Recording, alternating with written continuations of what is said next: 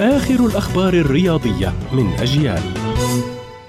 تستهل البعثة الأولمبية الفلسطينية مشاركتها اليوم في أولمبياد طوكيو 2020 بمشاركة لاعب الجودو وسام أبو رميلة والسباح يزن أيوب.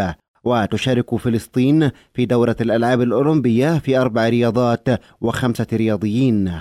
وفي ذات السياق وبعد مرور أربعة أيام على انطلاق الألعاب الأولمبية بلغت حصيلة العرب من الميداليات ذهبية وفضية وبرونزيتين. اقترب رافائيل فاران مدافع ريال مدريد من الانتقال إلى مانشستر يونايتد مقابل 50 مليون يورو.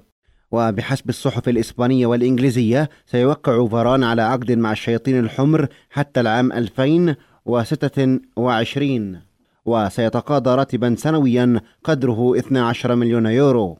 أعلن برشلونة عن تسوية جميع المنازعات المهنية والمدنية المفتوحة مع البرازيلي نيمار بشكل ودي وبعيدا عن القانون. وكشف البارسا في بيان أن النادي واللاعب وقعا على اتفاق لإنهاء الإجراءات القانونية العالقة بين الجانبين ثلاث دعاو مهنية ودعوى مدنية.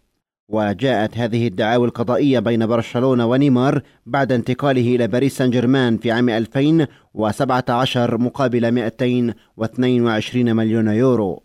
كانت هذه أبرز الأخبار الرياضية. كنت معكم محمد سمحان.